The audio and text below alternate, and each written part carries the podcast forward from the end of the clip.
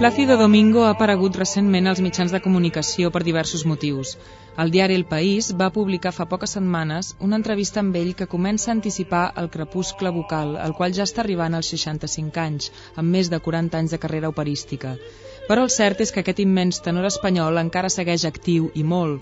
D'una banda, la seva última actuació al Palau de les Arts Reina Sofia de València, com a protagonista de l'estrena de l'òpera Cyrano de Bergerac del compositor italià Franco Alfano, de l'altra, la seva implicació en una sorprenent adaptació a l'òpera d'aquella angoniosa pel·lícula de David Cronenberg titulada La Mosca. I per últim, el seu desig de cantar en el registre de baríton l'obra Simón Bocanegra de Verdi, cosa que aconseguirà realitzar el 2009 a Berlín.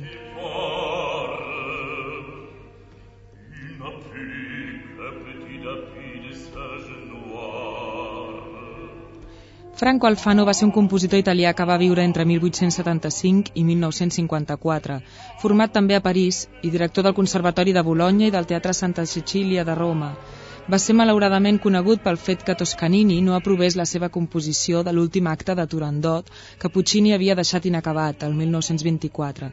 Tot i que Toscanini va voler estrenar Turandot a l'escala el 1926, tal com va quedar la partitura a la mort del compositor, posteriorment el mateix Toscanini i molts altres directors han dirigit Turandot en la seva popular versió completa, que inclou el final del Fano. Cyrano de Bergerac, contemporània de Wozzeck i d'Electra, es va presentar per primera vegada a Roma el 22 de gener de 1936 amb un llibret d'Henri Ken, col·laborador també de Massenet. Roberto Alanya ha declarat que Cyrano era el paper de la seva vida i justament Deutsche Grammophon n'ha tret en DVD l'última producció a Montpellier. La crítica ha destacat l'altra qualitat musical del duo que tanca el segon acte i del final, que vol connectar amb l'esperit harmònic de Debussy. D'aquest final, Plácido Domingo n'ha dit que li costava aguantar-se el plor. També ha afirmat que el tenor xilè Ramon Binay va ser el que el va portar a aquest personatge, tant per la gran admiració que sent per aquest cantant com per la semblança del seu repertori actual amb el de Vinay. Aquesta producció, que s'ha presentat a València en quatre funcions entre l'11 i el 22 de febrer, dirigides per Patrick Fourniller, és una col·laboració promoguda pel mateix Domingo entre el Metropolitan i el Covent Garden, amb una dramatúrgia de Michal Zaniecki, que s'ha hagut de reajustar l'escena valenciana i que, entre altres coses, no ha volgut posar cap nas gros a Domingo, perquè, segons Anieki, volia subratllar més el seu sentiment d'aïllament, de solitud, que el seu conegut defecte físic. Roxanne ha estat interpretada per Sondra Radanovski i Christian per Germán Villar.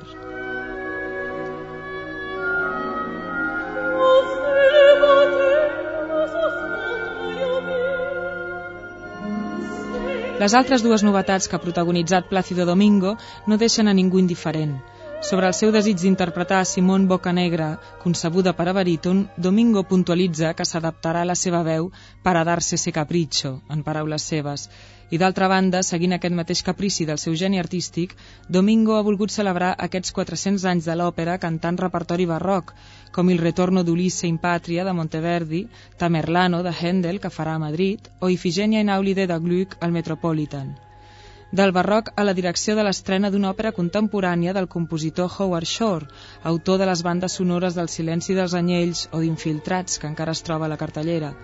Com a exemple del que ja és l'òpera del segle XXI, Shore ha fet una versió operística de la terrorífica pel·lícula de Fly, La mosca, de David Cronenberg, que Domingo presentarà l'1 de juliol de 2008 al Teatre Châtelet de París i al setembre a Los Angeles.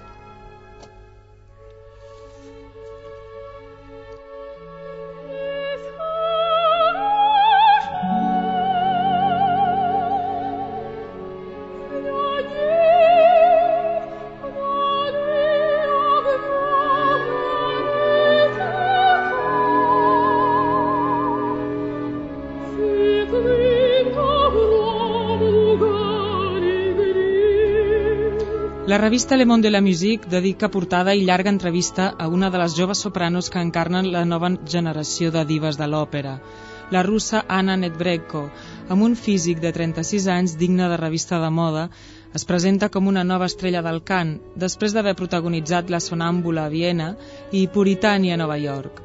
El bel canto, diu Netbrenko, és ideal per col·locar la veu en la bona posició, per controlar la respiració i la durada del fraseig, declara que se sent més pròxima de Maria Callas i Renata Scotto que de Joan Sutherland o Edita Gruberova.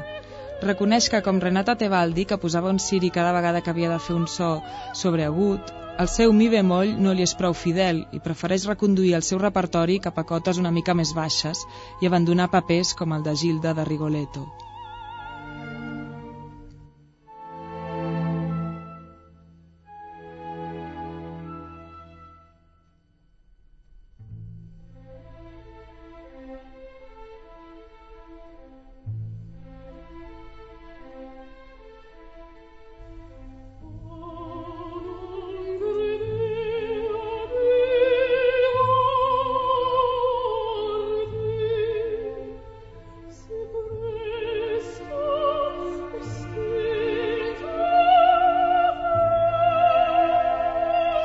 París la podrà escoltar per primera vegada l'any que ve amb una altra de Bellini i Capuletti i Montecchi al costat de Joyce di Donato i també en l'Eletra di Domeneo, que la farà retornar als seus inicis mozartians quan va debutar al Teatre Marinsky de Sant Petersburg als 22 anys com a Susanna.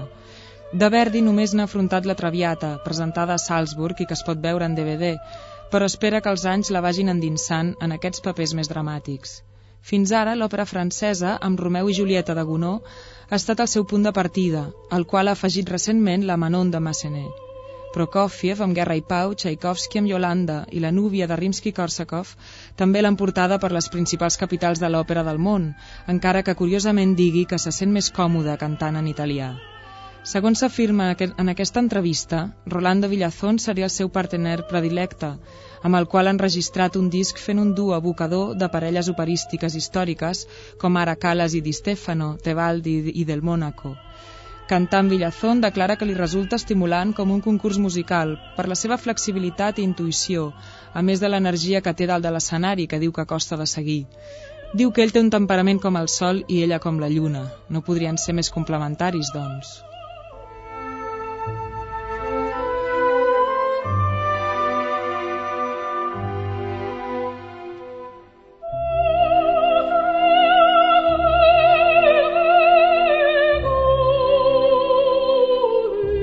La seva recent nacionalització austríaca li facilita encara més aquest desenvolupament estel·lar que està seguint la seva carrera.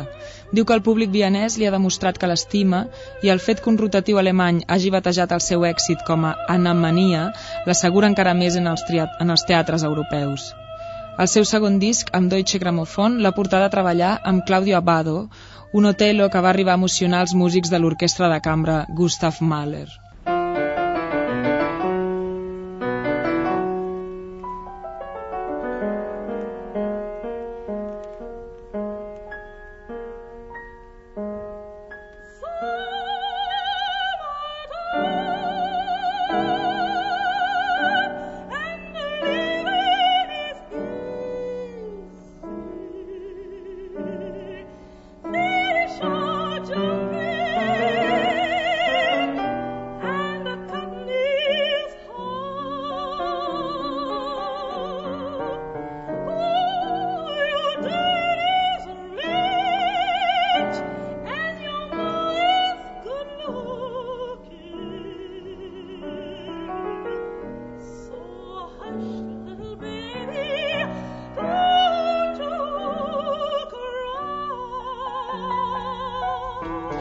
Unes dives comencen i d'altres van envellint, plenes però d'un record gloriós.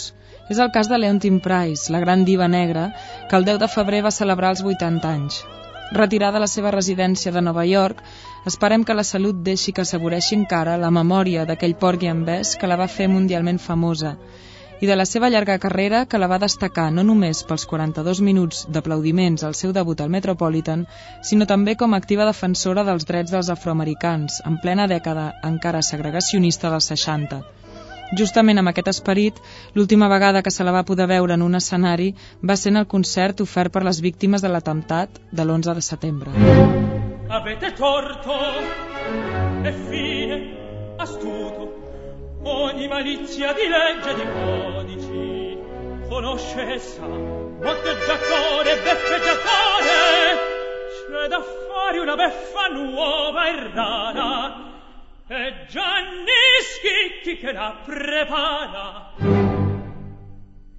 Gli occhi furbi gli illuminan di riso I acabem amb un altre pinyol gloriós en la història més recent de l'òpera. El protagonitza el tenor peruà Juan Diego Flórez, que va trencar la prohibició de Toscanini que hi havia al Teatre de l'Escala, repetir una àrea si el públic ho demanava. Des d'una actuació de Chaliapin el 1933 que això no passava al Temple Operístic de Milà, i el moment històric va ser el passat 20 de febrer amb l'ària A més a mi de la fill du regiment de Donizetti que Flores va poder cantar dues vegades a pulmó ple, ple de la seva musicalitat i de la força de la seva joventut, tot i que després el crític del Corriere della Sera demanés que es continués respectant la voluntat de Toscanini.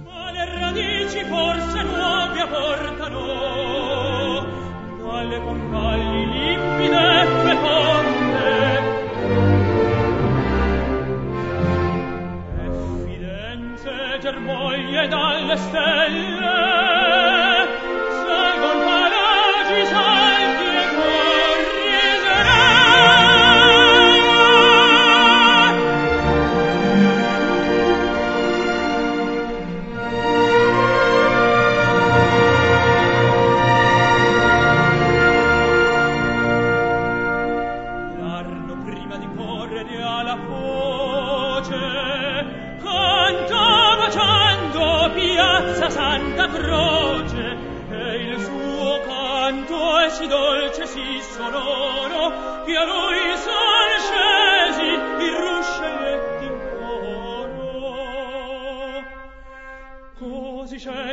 scendan vidotti in arti e scienze, a far più ricca, splendida Firenze.